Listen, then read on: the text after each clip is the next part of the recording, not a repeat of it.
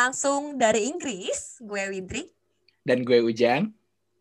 Kalian masih dengerin Non Non Expert. Non Non Expert. Yeay.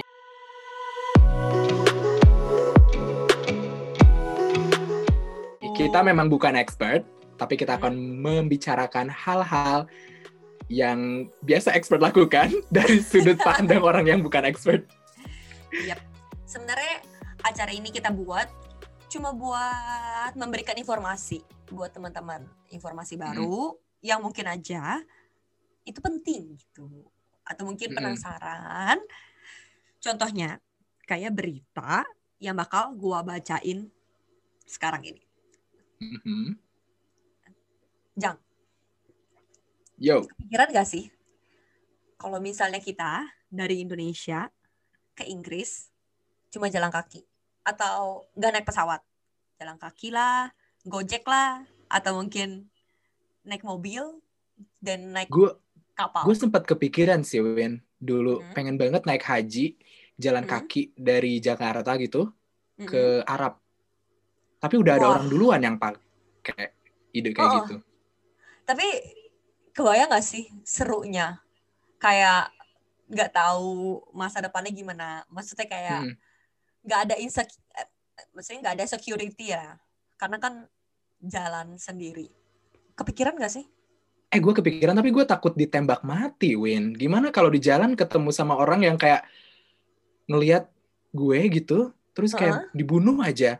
Lu nggak ada yang tahu. Iya benar. Kalau yang gue pikirin gue sih sebagai perempuan ya pasti takutnya itu rap atau mm -hmm. sexual harassment.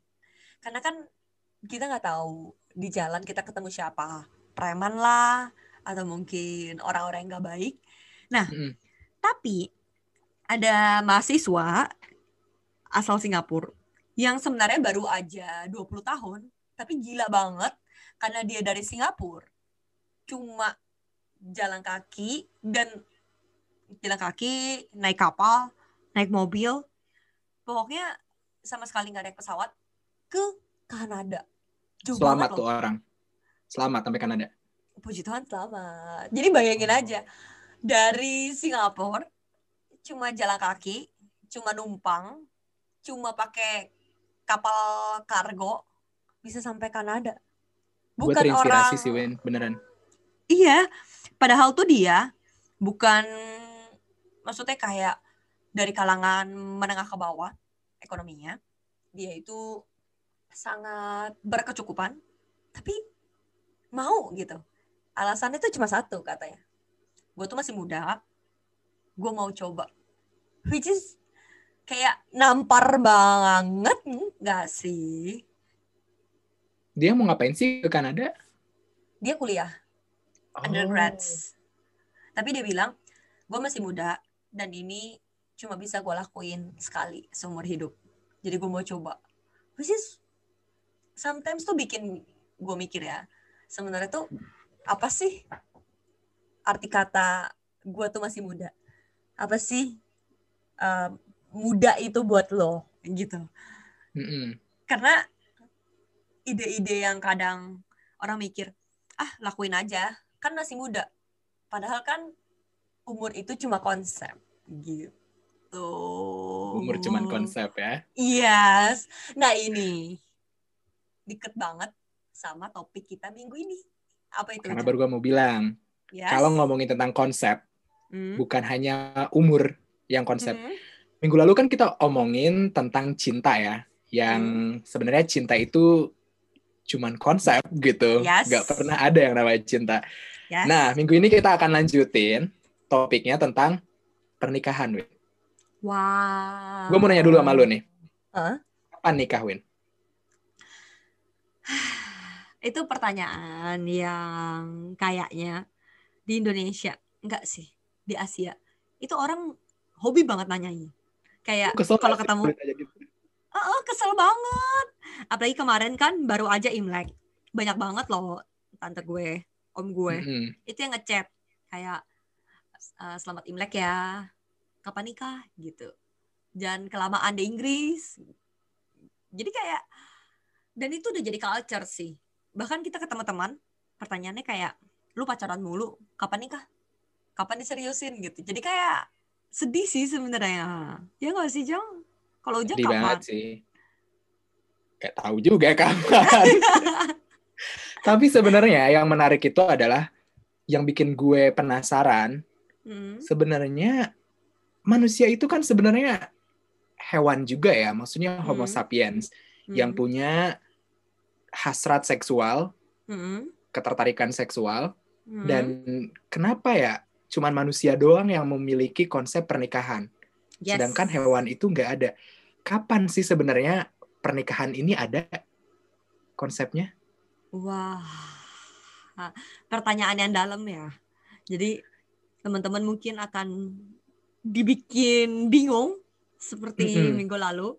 Kalau minggu lalu kan dibikin bingung. Jadi sebenarnya cinta itu konsep atau cinta itu angan-angan atau cinta itu cuma fairy tale.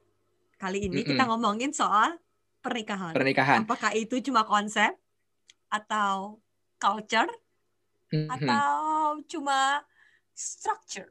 Wow. Kita balik ke ini dulu kali ya ke definisi, Win. Mm -mm. Nih, kalau gue baca di website yang gue suka baca, mm. ini terkenal banget sih, wikipedia.org.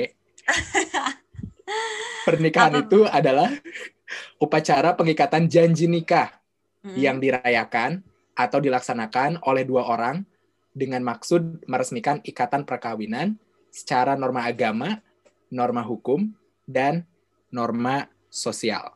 Okay. Nah, kalau kita lihat dari definisi, hmm sepakat ya dengan definisinya. hmm Jadi kalau kita lihat dengan definisi, di Indonesia pernikahan itu harus terikat dengan tadi norma agama, hukum, dan norma sosial. Yes. Norma agama di Indonesia ya sesuai dengan agama yang diakui di Indonesia.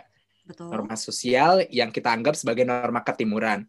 Yeah. Dan norma hukum yang sudah dicantumkan di konstitusi kita di mana mm-hmm. pernikahan itu hanya laki-laki dan perempuan mm-hmm. mengikat janji. Yes. Ya kan? Dan itu yang kita tahu. Mm-hmm. Tapi sebenarnya kalau kita jalan-jalan ke luar gitu ya, Win, ke daerah luar, mm-hmm sebenarnya konsep pernikahan tuh broad banget gitu. Banget. Yang ah kalau di Indonesia kumpul kebo gitu ya, hmm. pasti jadi kayak omongan kan, bahan omongan. Hmm. Lu nggak nikah tapi lu kumpul bareng. Tapi hmm. kalau kita lihat di Inggris, sebenarnya konsep nikah itu ada juga yang namanya hanya catatan sipil aja, hmm. atau pernikahan yang resmi di church, hmm. atau misalnya pernikahan pun bisa bukan hanya antara laki-laki dan perempuan, tapi bisa laki-laki dengan laki-laki. Bahkan di beberapa daerah huh? itu bisa laki-laki dengan banyak perempuan atau huh? satu perempuan dengan banyak laki-laki. Wow. Menurut lu gimana, Win? Jadi, menurut jurnal yang gue baca, itu katanya di Belgium 90% itu cuma kumpul kebo, tapi punya anak. Jadi mereka Dan kumpul itu biasa gak sih? apa sekarang? Biasa banget karena 90% itu majority. Sedangkan di Indonesia kayaknya 99% nikah. Satu persen yang kumpul kebo. Jadi akhirnya kita kayak dibikin culture shock gak sih? Karena kita yang ketimuran, yang kalau nikah itu harus nikah sipil dan nikah agama di saat yang sama. Tiba-tiba hmm. kita harus diperhadapkan dengan aturan baru yaitu lu bisa nikah sipil atau nikah agama cus saja jadi kayak menarik banget gak sih kenapa sih kalau di Indonesia kumpul kebo kayak gitu masih dianggap hal yang jelek gitu Win dan menurut lu itu bakalan berubah gak sih di suatu saat bahwa Indonesia bakal ngikutin budaya kebarat-baratan gitu. Kayak ya udah nggak usah nikah punya anak aja gitu. Bisa. Karena beberapa teman gue itu udah kayak gitu. Dan butuh uh, orang tua yang pemikirannya luas yang bisa ngertiin anaknya. Karena kayak in the end sebenarnya kayak kenapa sih kita nikah? Itu tujuan nikah itu kenapa? Nah buat beberapa teman nikah itu karena mereka pengen punya anak kayak Jenner kayak Kardashian family mm-hmm. yang mereka nikah karena mereka pengen punya anak, bukan karena mereka nikah karena pengen nikah gitu. Jadi kayak akhirnya konsep-konsep kayak gini, apalagi buat teman-teman yang edukasinya udah lumayan baik, udah mulai kebuka. Cuma memang butuh orang tua yang bisa support, orang tua juga yang bisa ngertiin kita sih, gitu. Mm -mm. Tapi sebenarnya kalau kita balik lagi, nikah itu hanya konsep sebenarnya ya, tergantung dari tujuan orang itu. Yes. Nah, definisi udah. Sekarang tujuan. Mm -hmm. Kalau menurut Ujang, tujuan nikah apa sih? Kalau menurut gua tuh tujuan orang nikah sebenarnya untuk secure hukum, Win. Oke. Okay. Misal. Bukan seks. Bukan hanya seks, karena seks okay. itu bisa dilakukan kapan aja gitu. Ya sih, yes, terlepas betul. dari agama. Mm-hmm. Terlepas dari agama. Lu mau seks misalnya kayak pakai Tinder aja atau pakai uh, dating app yang lain, mm-hmm. lu udah bisa berhubungan seks mm-hmm. kalau kalau ada orang yang mau. Mm-hmm. Tergantung dari orangnya. Sebenarnya kalau mau nge-seks, mm-hmm. itu bisa aja pakai dating app Terus lu udah bisa kalau ada orang yang emang mau melakukan hubungan seksual. Hmm. Tapi menurut gue pernikahan itu lebih kayak ke bikin lu secure. Yes. Kayak misalnya lu bikin tabungan. Hmm. Kalau lu nggak nikah, terus kemudian ada apa-apa sama hubungan lu dan gak tercatat dan secure sama negara, hmm. ya lu bakal punya trouble di situ. Yes. Jadi menurut gue pernikahan itu hanya kontrak dengan negara gitu supaya okay. kita legal hmm. di luar dari seks atau di luar dari punya anak. Kalau punya anak ya tergantung tujuannya. Kalau misalnya punya anak pengen anaknya juga secure secara legal ya hmm. nikah gitu. Tapi hmm. banyak juga orang yang kayak udah nikahnya nanti aja kalau anaknya udah gede dan segala macam karena nggak hmm. tahu apa-apa yang terjadi sebelum ya anak itu gede misalnya. Oke. Okay. Nah, liberal banget gue ya. Enggak sih, karena normal untuk punya pemikiran kayak gitu. Tapi kalau dari kacamata hmm, social studies, khususnya kayak kenapa sih zaman sekarang banyak pernikahan dini? Bahkan pernikahan dini ini masih eksis. Kalau misalnya kita lihat di Somalia, Irak gitu, Iran, itu masih ada. Kenapa? Nah, pertanyaannya, kenapa mereka mau menikah, melakukan pernikahan dini? Dan apa sih yang bikin mereka ke-trigger? Jawabannya adalah daripada mereka ada sexual harassment, daripada mereka di rap, ya udah nikah aja. Which is itu balik lagi ke security. Jadi mm -hmm. security-nya perempuan, security-nya bapak yang punya anak perempuan daripada anak perempuannya nanti diperkosa, mendingan dinikahin kan ada yang ngelindungin gitu. Mm -hmm. Jadi sebenarnya konsep security itu benar. Karena di negara-negara war atau penuh konflik itu masih ada. Jadi umur 11, umur 12 dinikahin itu udah biasa karena untuk security gitu. Jadi itu tujuannya. Yes. Ya, jadi lebih kayak ke security ya dari orang tua.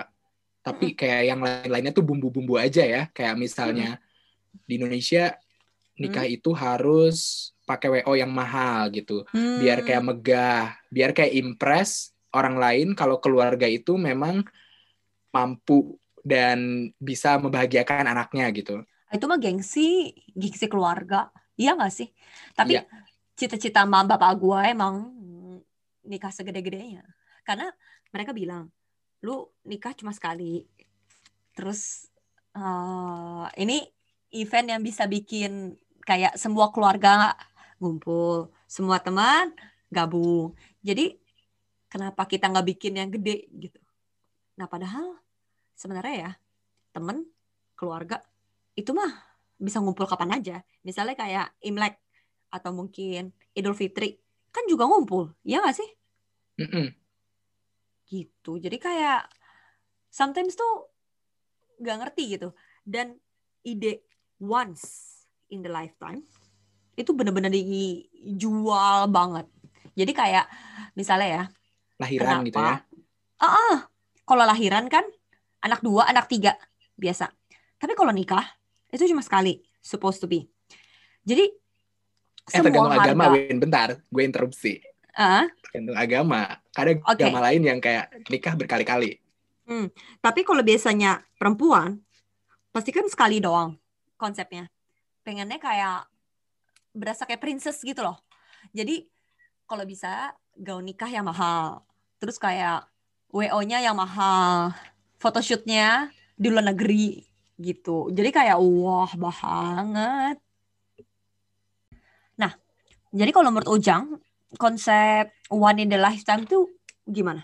Apakah sebenarnya kayak itu cuma bualannya para WO atau sebenarnya mungkin? Menurut gue itu campuran, Win, hmm. antara hype hmm. dan juga bisnis dan uh. perpaduan keduanya. Uh. Jadi biasanya kan ada domino efek ya. Hmm. Kayak contoh, misalnya sosial media aja ya. Hmm.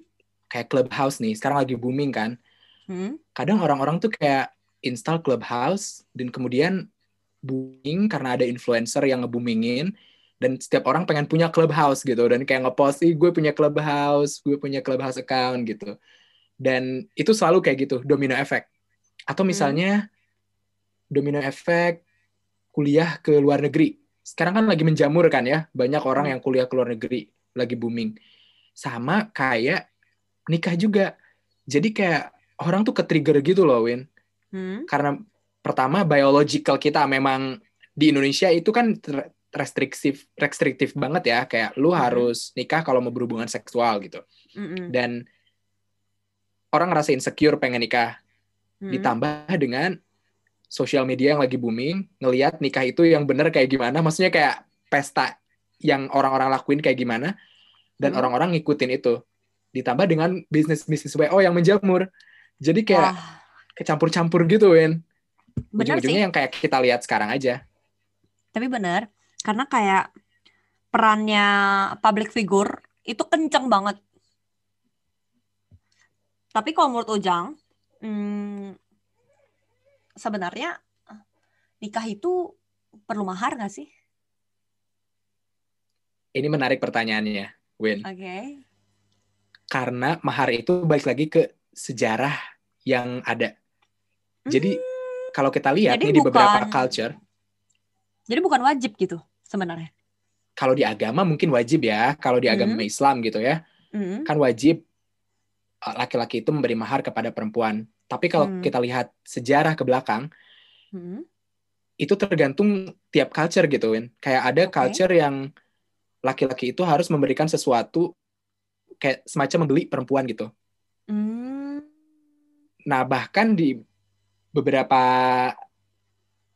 fase gitu ya kebudayaan hmm. itu hanya pakai cincin misalnya.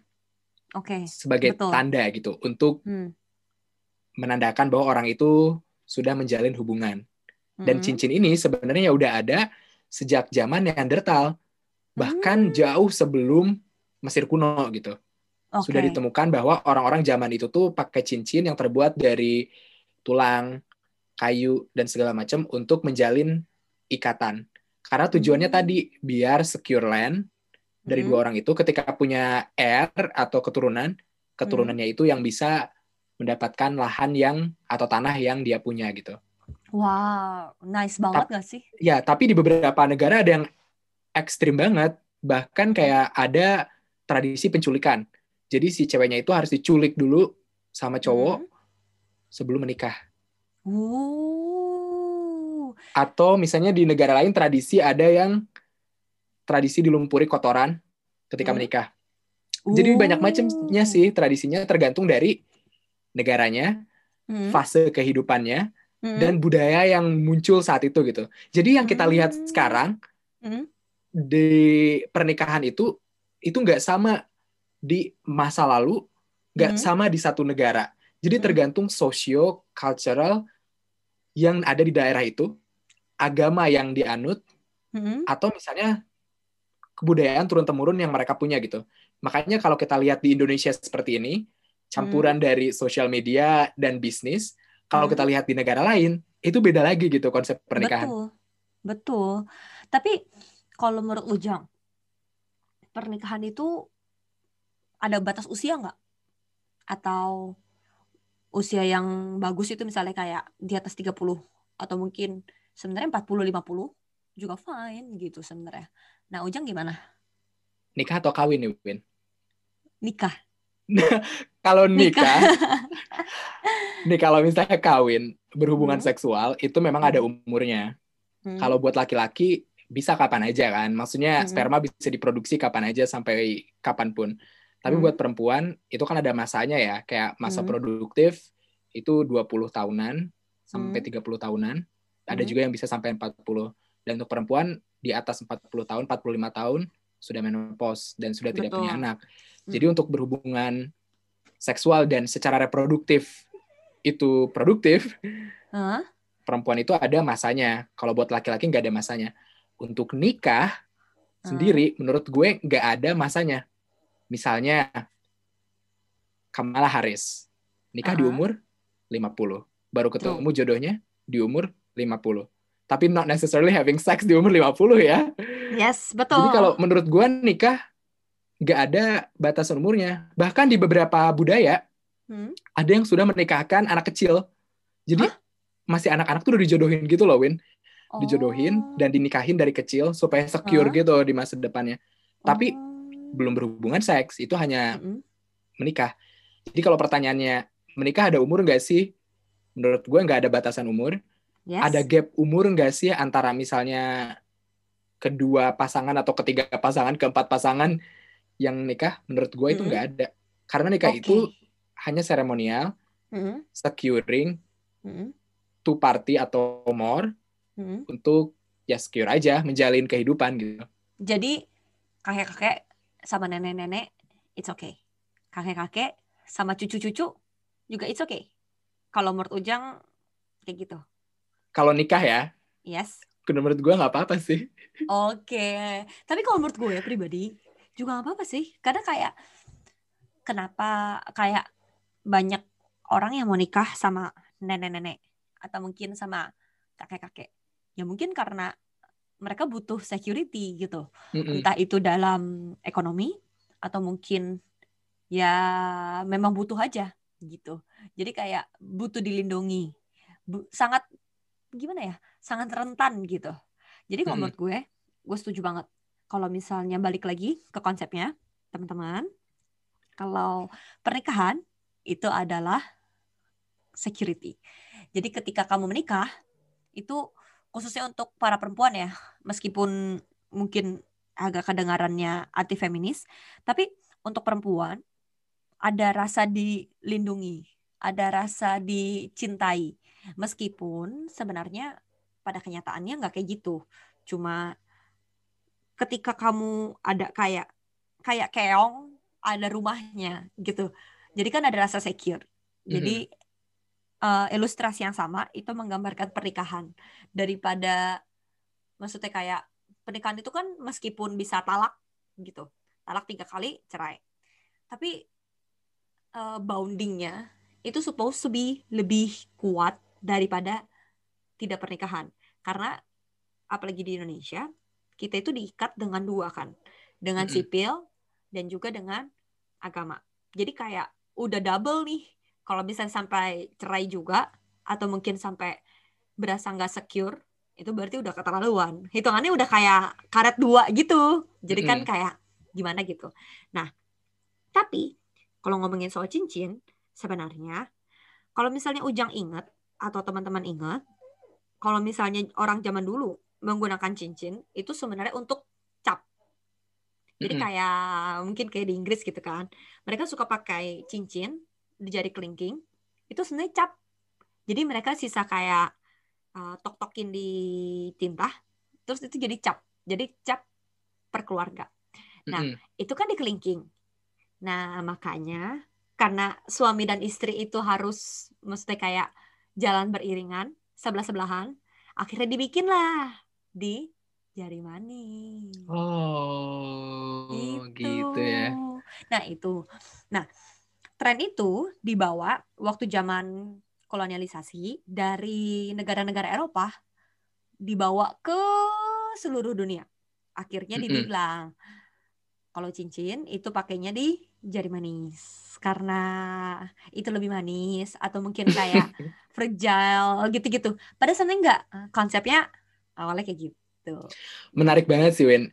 Kalau kita lihat ke aspek-aspek kehidupan yang kita punya banyak yang bisa kita obrolin, kita explore ya. Dan hal yang nggak pernah kita kepikiran gitu. Tapi gemes banget gak sih?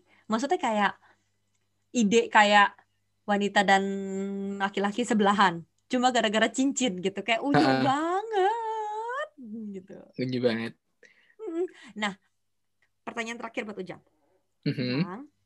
kalau menurut Ujang sendiri apakah pernikahan akan tetap ada di masa depan ini pertanyaannya stimulating banget ya uh, gimana kalau kita lihat tren mungkin angkatan kita oke okay. tapi kayak uh -huh. anak Ujang atau cucu atau buyut, apakah orang akan tetap menikah atau mereka memilih kayak kumpul kebo atau single for life atau gimana? Puh, susah banget ya. Projecting masa depan ya. Uh. Kalau kita lihat, gue hmm. mau berkaca dari budaya Western kali ya, hmm. yang menurut gue ya ya dari sisi pandang gue lebih progresif dibandingkan negara-negara timur yang masih menganut apa namanya budaya ketimuran gitu. Kalau kita lihat trennya itu negara yang akan punya kontrol. Wow. Jadi not necessarily agama, hmm. tapi lebih ke negara. Jadi negara itu yang punya konstitusi. Maksudnya yang hmm. punya hukum jadi atas hukum gitu. Jadi misalnya hmm. kayak ya nikah itu supaya lu tercatat di negara hmm? dan biar ke trace misalnya anaknya belum ke parent siapa karena nanti bakalan complicated banget Win kayak misalnya gini loh di masa depan menurut gue mungkin aja kita itu bisa pakai donor sperma atau pakai donor ovum. Sekarang kan udah ada ya bank sperma dan bank ovum. Yes. Yang misalnya lu pengen punya anak yang kayak gimana, hmm. itu bisa lu dibandingkan dari suami lo gitu ya. Yeah. Lu pakai spermanya Brad Pitt misalnya kayak biar, hmm. biar anak lu kayak punya Brad Pitt lah dikit-dikit. bisa aja kayak gitu. Nah, menurut gue nanti di masa depan akan lebih advance. Hmm? Kalau punya anak gitu, ya hmm. anaknya kayak gimana juga catatannya akan lebih advance dengan adanya machine learning dan AI gitu ya. Hmm. Kita bakalan lebih advance. Balik lagi ke pertanyaan, masih ada nggak pernikahan? Menurut hmm. gue masih ada hmm. tapi bentuknya akan berbeda. Oke. Okay. Kayak gimana? Yang bentuknya itu disecure oleh negara, hmm. tapi bentuknya macam-macam. Jadi nggak harus kayak nikah cewek sama cowok yang kita lihat sekarang. Bisa aja oh, nanti ada oh, triple, okay. ada empat pasangan yang bersatu terikat, laki-laki hmm. sama perempuan, atau hmm. perempuan dengan lima laki-laki, atau hmm. satu laki-laki dengan empat perempuan, macam-macam. Nanti aturannya atau... bakalan banyak manusia sama robot? Mungkin aja. Mungkin aja. Sekarang udah ada loh dancing with robot. Mm-mm. Dan robot itu nanti kan akan menggantikan mukanya sama kayak manusia. Terus kayak yeah. kayak semua anatominya gitu, anatomi luar ya pastinya udah kayak sama manusia. Bahkan kan kayak drama-drama Korea, terus kayak drama-drama luar negeri itu rata-rata kan ngomongin tentang cinta dengan robot, jatuh mm -hmm. cinta dengan robot. Jadi kalau menurut gue sih hmm, pergerakannya, maksudnya kayak menikah, apakah tetap ada? Jawabannya ada, tapi mungkin lebih ke sipil. Jadi kayak karena kita itu akan semakin progresif, agama itu akan semakin lama hilang. Jadi kayak norma-norma sosial, norma-norma keculturan, norma-norma agama itu akan fade slowly. Dan nanti pernikahan itu cuma selembar kertas. Jadi selembar kayak kertas. Yes. Jadi cuma kayak apa sih gitu. Maksudnya kayak yeah. misalnya kayak let's say Ujang sama Ani gitu. Udah mm -hmm. Gitu aja. Jadi kayak pernikahan antara Ujang sama Ani bahwa Ujang sekarang adalah pasangan Ani dan Ani adalah pasangan Ujang. That's it. Wah, ini menarik gitu. banget. Itu sih menurut opini kita ya, Win. Yes. Kita balik lagi ke rekan-rekan semua. Mungkin bisa memiliki pendapat yang berbeda sama kita. Yes. Sah-sah aja. Banget. Jadi mungkin aja teman-teman kayak Allah ini bullshit gitu. Nah, atau mungkin kayak sedih-sedihan gitu kan. Aduh, kalau misalnya nggak nikah gimana? Itu bisa banget dikasih tahu ke kita gimana kayak masukannya atau mungkin kayak opininya. Kalau misalnya beda banget, mungkin akan kita up jadi topik berikutnya. Ya nggak sih? Betul. Iya. Mungkin aja. Mungkin punya pendapat yang berbeda. Yep. Again, in here we're just not an expert. Yes. Kita hanya berbicara apa yang dari pengalaman kita yang punya dan pendapat Betul. kita pribadi. Betul.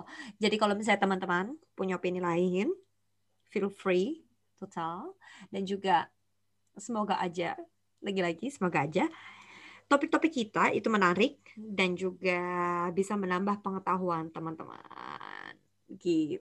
Sip. Gak berasa kita balik ya? lagi, iya hmm. kita balik lagi nanti minggu depan dengan topik-topik yang nggak kalah menariknya. Yes, betul. Dan teman-teman sekali lagi diingatin kalau stay safe karena gimana pun kalau misalnya keselamatan teman-teman itu yang paling hakiki dan stay curious karena ke depannya kita bakalan ngomongin hal yang semakin nyeleneh, semakin sensitif dan semakin asik pastinya. Jadi dibuka pikirannya lebar-lebar, dibuka hatinya lebar-lebar karena kita akan semakin sensitif. Nyeleneh. Itu semakin nyeleneh. Betul. Baik. Oke.